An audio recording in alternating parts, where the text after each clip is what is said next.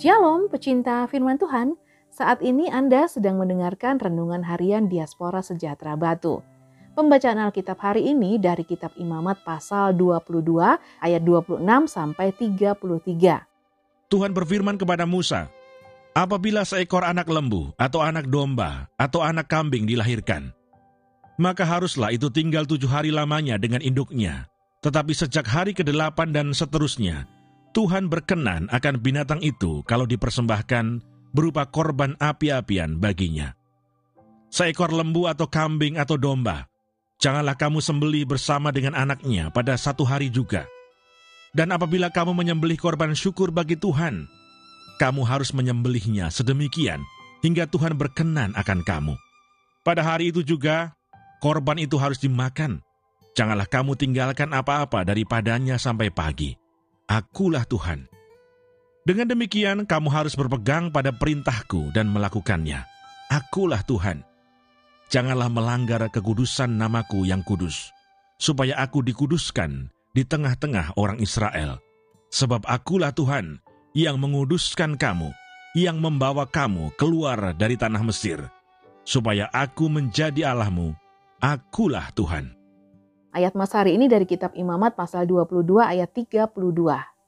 Janganlah melanggar kekudusan namaku yang kudus, supaya aku dikuduskan di tengah-tengah orang Israel, sebab akulah Tuhan yang menguduskan kamu. Imamat 22 ayat 32. Renungan hari ini berjudul Menjaga Kekudusan Allah.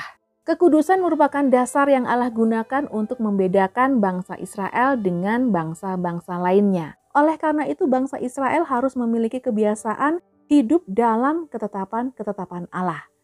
Ketika hukum-hukum Allah menjadi dasar hidup, maka bangsa Israel akan memiliki kebudayaan yang lebih tinggi dibandingkan dengan bangsa-bangsa lain.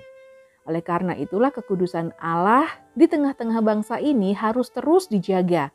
Akan tetapi bukan berarti kekudusan Allah akan berkurang atau bisa hilang. Kekudusan Allah akan tetap ada di dalam dirinya, tetapi bangsa Israel bisa kehilangan kekudusan Allah apabila mereka melakukan pelanggaran terhadap ketetapan-ketetapan Allah tersebut. Jadi bagian yang paling penting setelah bangsa Israel mendapatkan pengudusan dari Allah melalui proses yang ia tetapkan, maka kekudusan tersebut harus tetap dipelihara dengan baik. Melalui fakta tersebut, maka kita sebagai anak-anak Tuhan tidak boleh hidup seenaknya sendiri. Kita justru harus menjaga nama baik, kekudusan Tuhan melalui cara hidup berpikir, dan kedewasaan dalam segala hal supaya nama Tuhan terus dimuliakan. Jadi janganlah kita hidup serupa dengan dunia ini, sebab itu bukanlah kehendak Allah. Mari kita terus menjaga kekudusan yang Allah anugerahkan dalam diri kita sampai ia datang yang kedua kalinya. Kemudian Yesus bertemu dengan dia dalam bait Allah lalu berkata kepadanya, Engkau telah sembuh, jangan berbuat dosa lagi, supaya padamu jangan terjadi yang lebih buruk. Yohanes 5 ayat 14. Tuhan Yesus memberkati.